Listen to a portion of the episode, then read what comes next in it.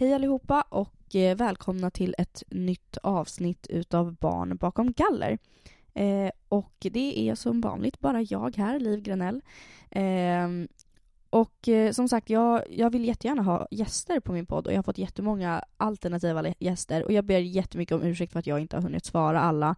Och då menar jag inte bara ni som vill vara gäster på min podd utan överlag. Jag har typ över 500 Eh, meddelanden som jag inte har kollat igenom eh, och jag letar bara tiden just nu till att hinna med att göra det. Eh, så ni vet att jag kommer att kolla igenom allas meddelanden. Och jag vill också tillägga här då att jag vet att det är jättemånga där ute som har det jobbigt och svårt och, och kan känna igen sig i situation som jag har varit i. Både med självskadebeteende och kanske droger eller sex eller sådana grejer. Och jag, jag vill bara säga att jag hör er och jag lyssnar, men ni kan inte fråga mig vad ni ska göra.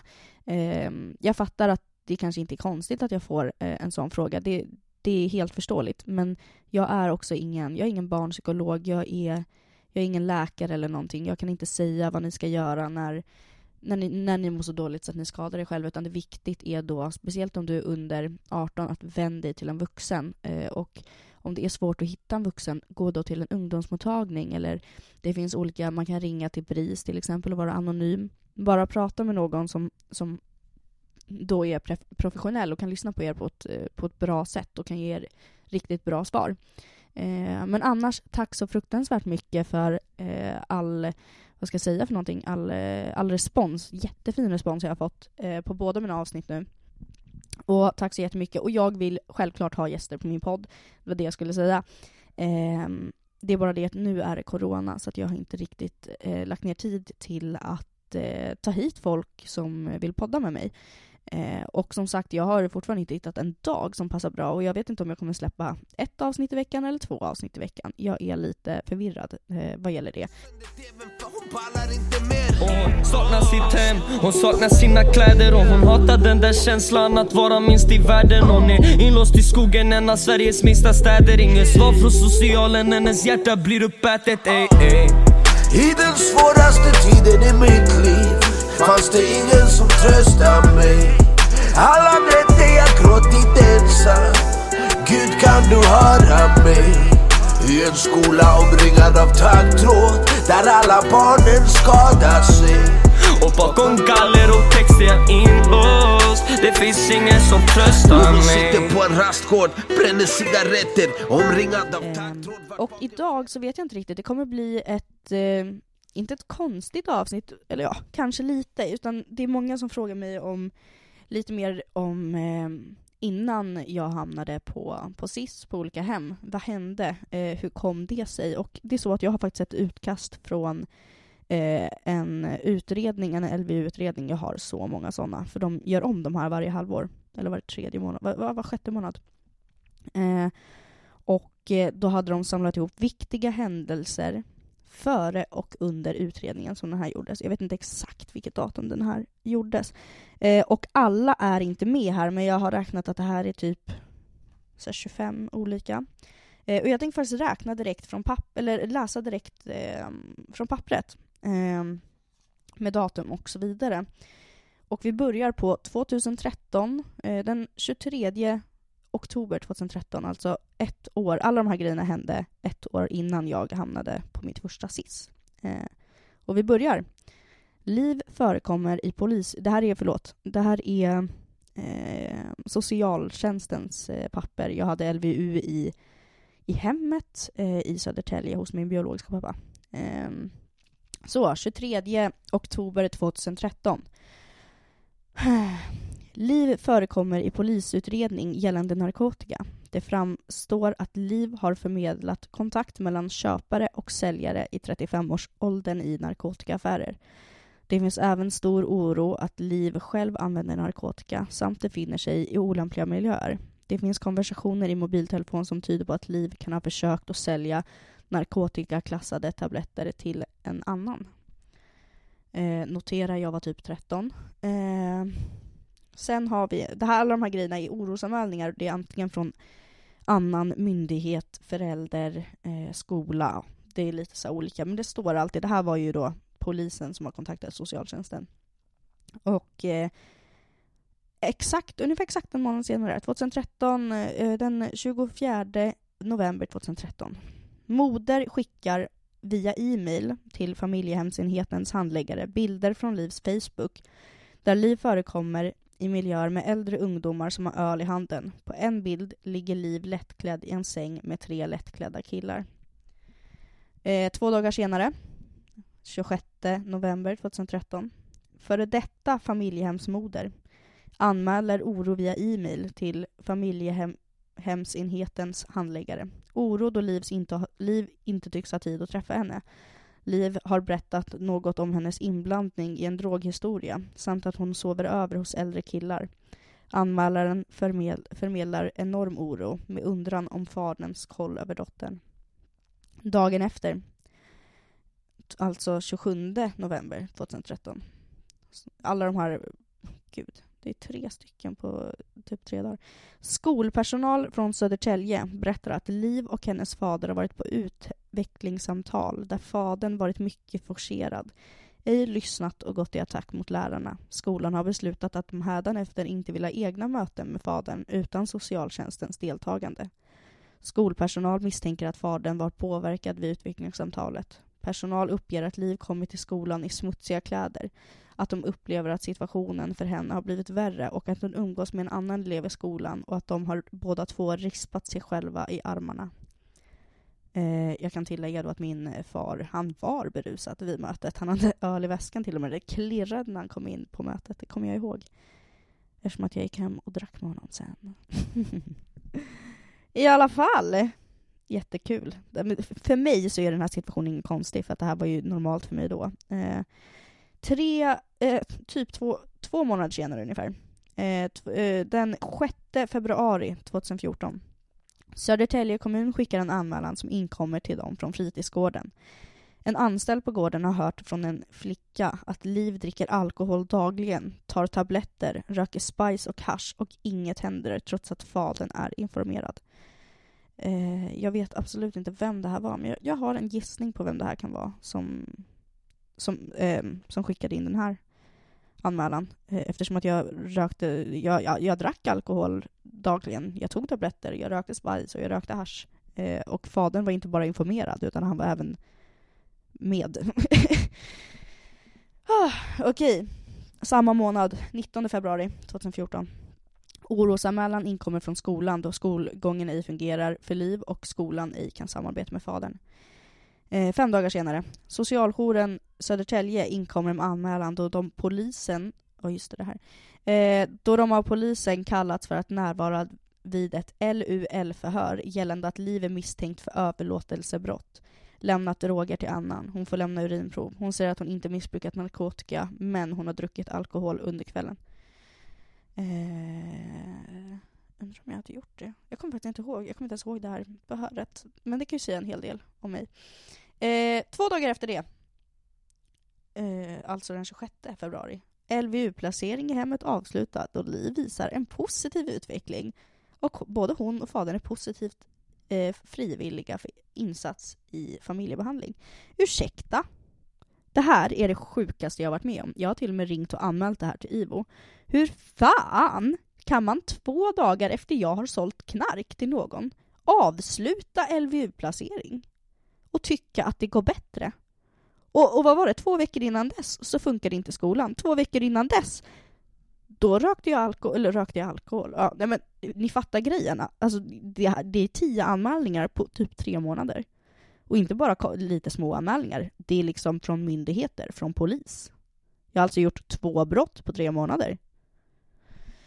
Men en positiv utveckling har jag tydligen visat. Jättekonstigt. Um, Okej, okay, cirka en vecka efter det här då, den 4 mars 2014. Socialjouren Södertälje inkommer med anmälan då de har fått meddelande av polisen att, och just det, shit, att de natten till den 4 mars kallats till Liv, Livs bostad då en person avlidit i bostaden. Fadern har tagit hand om en cancersjuk uteliggare, en, benka, en bekant sedan många år. Han avled i soffan. Barnen var då hemma. Dagen efter kontaktar socialjouren fadern som då sitter på krogen och dricker öl. Liv fick då ta hand om lilla syster. Det är alltså, det dog på riktigt någon i lägenheten framför mina ögon.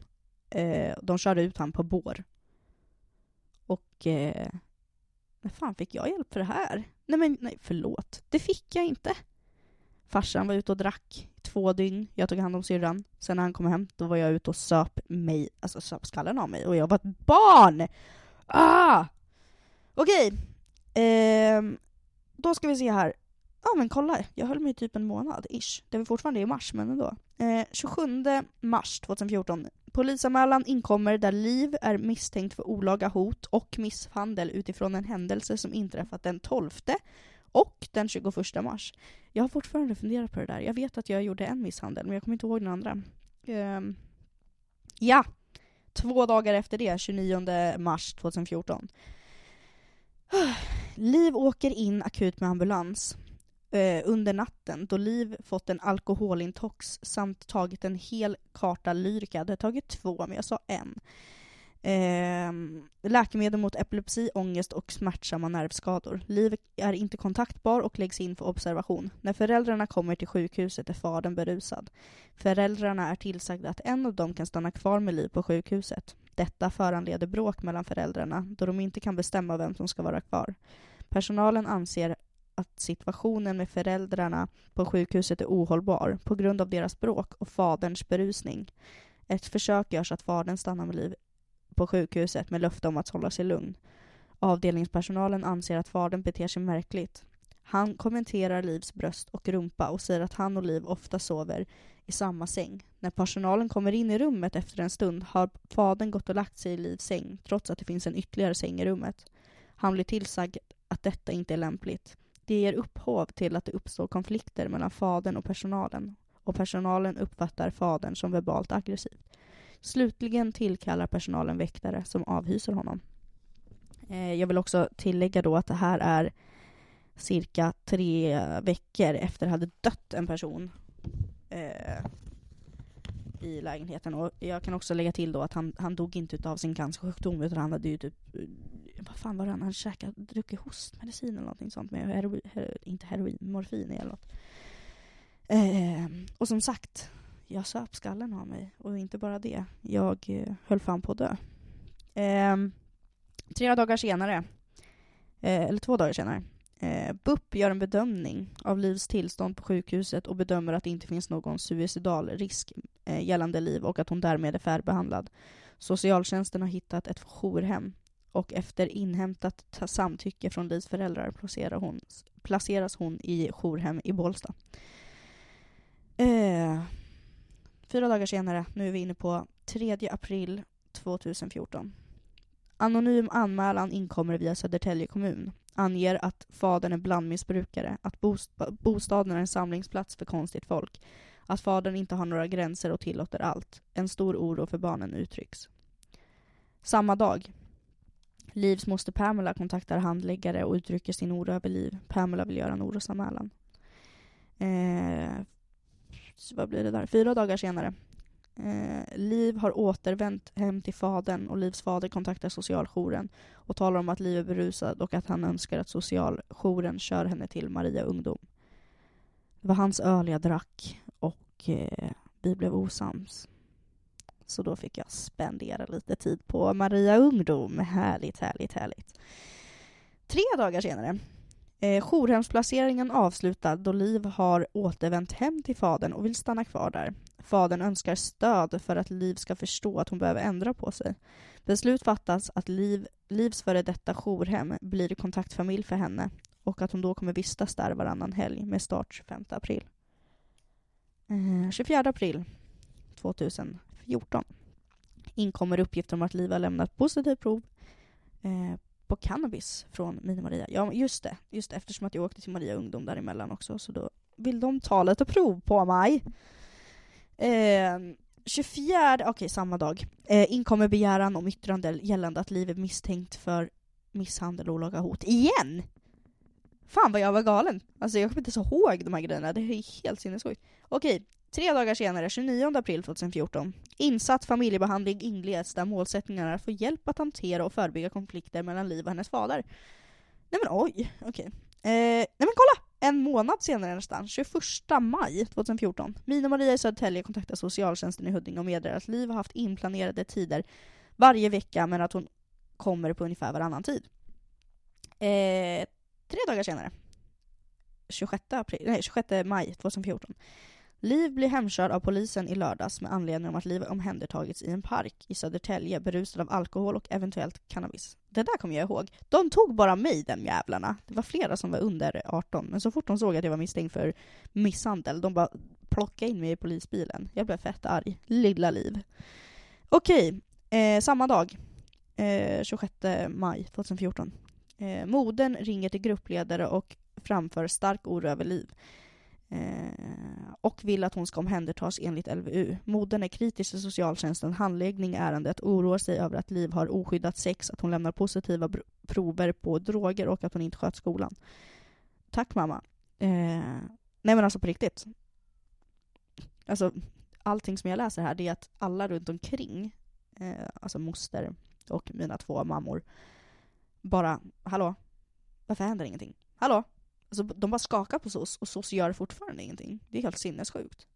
Det är helt sinnessjukt när man läser det, när man har det bara så här på papper. Det var ju mer eller mindre varje vecka. Mer, ibland var det ju samma dagar som det hände flera grejer. Ja, eh, i alla fall. En vecka senare, 2 juni 2014.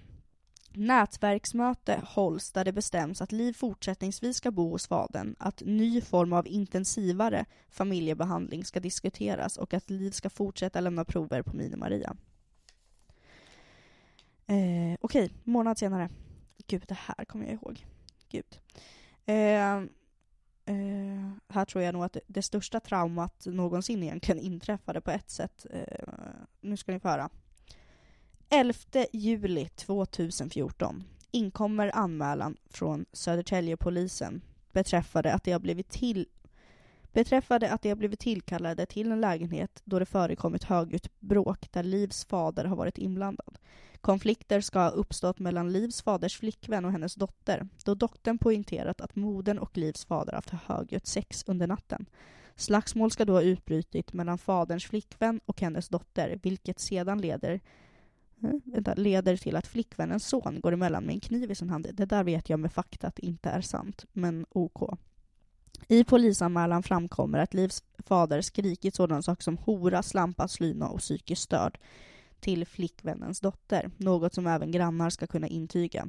Flickvännens dotter har även berättat för polisen att Livs fader är alkoholist, dricker mycket och att han även röker på. Dottern säger att hon har sett fadern förvara narkotika i sin lägenhet. Eh, och det som inte står här, det är att eh, tre dagar senare ungefär så eh, var både min eh, biologiska pappa och hans flickvän på socialtjänstmöte samtidigt, så att jag var barnvakt till eh, en, två, tre, fyra barn eh, mellan åldrarna fyra och Gud, hur gamla var de? Fyra och tio, tror jag. Men ja, precis. Mellan åldern 4 och 10. Eh, och sen knackar det på dörren.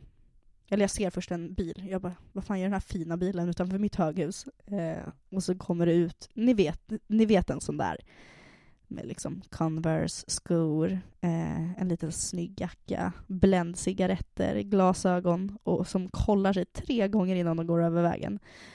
Och jag bara, sos, sos är här de kommer att ta barnen. Så jag stänger alla dörrar, jag sätter in alla barnen eh, i, eh, i, i, ett rum och drar ner alla persienner och allting och säger sitt här, håll käften. Och samtidigt så ringer min biologiska pappa till mig och säger att det är en fälla. De har lurat oss på två olika SOS-möten samtidigt för att komma och hämta barnen. Det är en fälla, stäng alla dörrar. Eh, så jag går ut, jag stänger alla dörrar, jag släcker ner och eh, då har ju de redan sett mig i fönstret, så de, de vet ju att, att vi är där inne. Så de står utanför och pratar in i, i brevinkastet och bara så här, hallå, öppna dörren. Vi måste öppna dörren, vi måste prata med er i liv. Och jag bara, jag tänker inte öppna dörren, ni tar inte mina syskon. Gå härifrån, jag kommer inte öppna dörren. Ni, ni kommer få elda upp dörren. Jag kommer inte öppna den. Och de sa nu kommer vi behöva tillkalla polis, för det, kan ju, det, det, här går ju inte. Du kan inte vara barnvakt, du är 14 år gammal typ, du kan inte vara barnvakt till, till fyra barn och vi måste komma in. Och jag bara, jag tänker inte öppna dörren. Så polisen kommer dit och eh, då ringer Eh, då ringer min biologiska pappa och säger du, du måste öppna dörren nu, annars kommer de behöva bryta upp dörren. Eh, så jag öppnar dörren. Eh, och då tränger sig polis in direkt och jag börjar få damp. Eh, så att polisen släpar på riktigt ut mig och jag skriker för fulla muggar. Och när vi kommer ner så blir jag lugnare, jag tar en cigg. Eh, det samlas folk ute runt hela gården. Här, tänk, tänk er ett riktigt höghusområde mer eller mindre. Och det bara börjar samlas folk eh, runt om. Nu känner jag att jag får lite så här, jag blir lite blatte när jag pratar om det här nästan. Nej men, eh, ja, folk börjar samlas eh, runt om och jag ställer mig och röker en cigg. Jag kommer ihåg att den ena polisen eh, säger till mig att Känner inte du igen mig, Liv? Och jag bara, nej, ska jag göra det liksom? Han bara, vi har träffats många gånger. Jag bara, vadå många gånger? Han bara, ja, senast för typ några månader sedan så var du och jag på ett LUL-förhör. Du hade sålt droger till någon. Jag bara, jag har inte sålt droger till någon. Nej, har du inte? Men vi hittade ju det. Ja, nej, det var inte jag. Så försökte han hela tiden att berätta för mig att vi har träffats så många gånger ute på stan. Han har omhändertagit mig här och han har omhändertagit mig där och jag har ingen aning om det här är. Um, och jag spelar självklart dum. Nej, du har tagit fel, du har tagit fel, du har tagit fel, du har tagit fel. Men grejen i det hela, det var att bara min eh, biologiska pappas flickväns barn blev omhändertagna. Eh, och eh, inte jag och inte min lilla syster som faktiskt bodde hemma hos min pappa. Eh, och eh, min, eh, eller pappas eh, flickvän, underbar mamma, jättefin. Eh, och för övrigt, hennes barn kom hem. De bor hemma idag och hon är absolut inte tillsammans med min pappa. De är långt ifrån varandra. Eh, och eh, tyvärr så bor min lilla syster fortfarande kvar hemma hos min pappa. Eh, jag har ju en biologisk lilla syster och sen så har jag dem som är mina bonus, eh, skulle man kunna säga. Men det här är lite av de grejerna som hände eh, som, som, som, är dokumenterat att det hände, så att säga. Eh, för att det har, jag, jag menar, det har, ju, det har ju hänt mer grejer än bara alltså det här. Ehm, eh, det... Ska jag säga så. Det har ju hänt mer grejer än det här som liksom inte... Jag har blivit utsatt för, för mycket mer grejer. Eh, och det, det är klart att det har hänt mer grejer, men det här är lite av det som har hänt som faktiskt har dokumenterats också. Och Sen hamnade jag på hem. Det var, jag tror jag gick på typ tre, fyra olika rättegångar på olika hem. Eh, som då inte hade med hemmen att göra utan som jag hade blivit åtalad för tidigare som jag fick gå på rättegång på när jag, när jag satt på hem. Eh, och de flesta av grejerna så var det faktiskt jag som var skyldig. Det var överlåtelsebrott, det var... Oh, det var det ena med det andra. Eh, och det är lite av vad som hände mig innan. Och grejen är så att jag vet inte riktigt vad jag mer ska säga i de avsnitten för att det blir mycket bättre om man har någon att diskutera med, om man har någon att prata med. Eh, alltså, ja, om, om jag har liksom någon att bolla med, vad tänkte ni när jag gjorde det här? Eller jag tänkte som, som sagt som mina kompisar som eh, som, vi kommer ju att starta en podd som heter Underlivets ord, men att, man, liksom, att jag bjuder in dem och så här, eh, vad, vad gjorde vi då? Vad, vad, höll vi, vad tänkte vi med? Och när jag hamnade inlåst, vad trodde ni att jag försvann? Alltså vad, vad, så här, vad hände? Att man liksom har någon att bolla med, för att, att jag bara sitter och pratar själv. Det enda jag egentligen kan göra det är att läsa artiklar och berätta berättelser. Annars så blir det jättekonstigt att jag bara sitter och pratar med mig själv. För just nu så känns det som att jag, jag har ju hörlurar på mig och jag sitter och pratar i en mick och det känns som att jag bara sitter och babblar med mig själv. Alltså det känns inte som att jag pratar utan det känns bara som att det går runt i mitt huvud. Eh, jag blir lite galen på det. Ehm, eh, du, du, du, och det jag vill också tillägga, absolut, det, finns, det fanns inget annat sätt för mig att eh, sluta med drogerna och allt det som jag höll på med än att faktiskt låsa in mig. Ehm, så att det, det finns inget annat sätt. Eh, sen att jag hatar SIS och jag hatar vad de gör på SIS, det är en helt annan femma. Jag tycker att det finns alternativa sätt att göra SIS på. Eh, och det absolut viktigaste, det är behandling. Och jag tycker att man absolut, man ska, det första man ska göra om man ska ändra någonting med SIS, ta bort all jävla manlig personal på flickhemmen. Varför är de där? Det är det konstiga. Vad fan kan kvinnor göra som inte män kan göra? Varför? De ska inte vara där. Det är som män på jobbet på förskolan. Varför? Nej, det finns ingen anledning. Men varför ska de inte få göra det? Ja, men har du råd att chansa på att eh, ditt barn eh, blir utsatt för en pedofil eftersom att 98% utav alla pedofiler faktiskt är män? Så tycker jag inte att man har råd att chansa. Det handlar inte om jämställdhet, det handlar om barnen. Jag skiter fullständigt i jämställdhet när det kommer, och feminism och vad det nu är när det kommer till barn. Jag har inte råd att chansa på att min dotter eller min son blir utsatta för en pedofil. Bort med männen från gynekologstolarna, bort med männen från förskolorna och framförallt bort med männen från SIS. Flickhem i alla fall. På riktigt, det är typ det är det första vi ska göra. Nummer två, behandling. Snälla, kom till underfund till vad är problemet med den här ungdomen. För att en ungdom som har levt ett helt normalt liv, absolut, det är klart att det händer, men oftast så ligger det någonting annat bakom. Man börjar inte knarka när man är 13, eller 14, eller 12. Man börjar inte dricka alkohol så tidigt, konstant, ofta. Man börjar inte göra kriminella grejer så tidigt om det inte är någonting som har hänt. Någonting har skett. Det kan vara mobbning. Du kan bo i en jättebra familj och ha hur mycket kärlek som helst. Men det kan vara mobbning, du kan bli mobbad i skolan. Och så hittar du ett annat liksom, umgänge eller vad som helst. Det kan vara vad som helst. Eh, och det, hitta problemet. Eh, behandling, behandling, behandling, behandling. Och de här jävla statistik från SIS, ta bort den skiten. Det finns ju tydligen statistik från, äh, från SIS där de säger att ja, de flesta barn och ungdomar som flyttar ifrån, de mår ju faktiskt bra. Det har ju vi i vår statistik. Ja, för att om vi säger att vi mår dåligt, tror du att vi får komma ut då? Jaha, men om du mår dåligt, då måste du nog sitta lite längre bakom galler. Fuck you. Er statistik kan vi kasta i fucking havet, för den funkar inte. Vi säger vad vi tror att ni vill höra, för att vi vill ut. Och, eller för att vi är rädda, eller för att nej, ni, kan, ni har inte rätt till att göra statistik. Alltså blä, usch, Bu! Eh, och en annan grej som jag också vill, eh, vill tillägga det är att... Eh, gud, nu tappade jag tråden. Fan vad det jag skulle säga. Jag såg en bil som åkte utanför och så började min ADHD tänka vad det var för färg på bilen så tappade jag helt bort tråden vad det var jag skulle säga för någonting. Varför är jag som jag är? Jag orkar inte med mig själv. Uh, nej, kommer inte på någonting nu. Satan i gåtan. Jag tror att det där får vara allting för avsnittet, för nu kände jag att nu tappade jag bort mig totales. Uh, I alla fall, jag vet inte riktigt om vi, när vi kommer ha eh, när vi kommer ha gäster eh, nästa gång eller om det kommer bli om fyra, fem år, jag vet inte. Eh, självklart ska jag göra mitt bästa för att eh, eventuellt kunna fixa eh, så att det blir ett eh, det blir en gäst nästa gång. Det skulle ju vara skitkul, eller hur? Puss och kram på er, ta hand om varandra och kom ihåg att kontakta en vuxen om du mår dåligt. Det finns eh, stödlinjen BRIS som ni kan prata med på telefonnummer 116 1100. Nej, nu gud, förlåt, nu säger jag fel. 116 111 kan ni alltid ringa till och ni kan även chatta och ni kan mejla BRIS.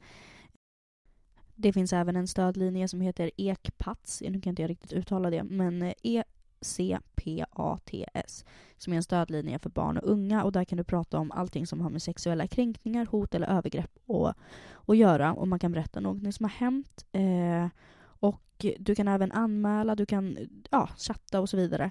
Eh, och det finns ett telefonnummer där som är 020 112 100. Eh, sen finns det även de som har, eh, det finns en riskförening, eh, Frisk och Fri, som är för de som känner att de har ätstörningar. Och då vill jag också ehm, lägga in ett telefonnummer där. Och då Eh, då finns det om du själv har eh, problem så kan du ringa till 020 20 80 18 och om du är en närstående till någon och blir orolig så kan du ringa 0200 12 50 85 och sen finns det den här eh, föreningen har jag till och med eh, haft kontakt med. Och det är föreningen Stora Syster. Jag valde även att skänka pengar till dem eh, på min födelsedag. Ehm, som liksom en födelsedagsgrej skulle man kunna säga.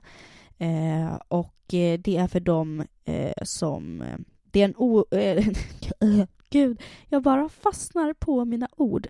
Det här är i alla fall, de är stöd eh, till dig som eh, blir eller har blivit utsatt för sexuella övergrepp, våldtäkt eller som är eller har, har problem med problem som är gud, jag vet inte hur jag uttalar mig nu, förlåt mig snälla ni.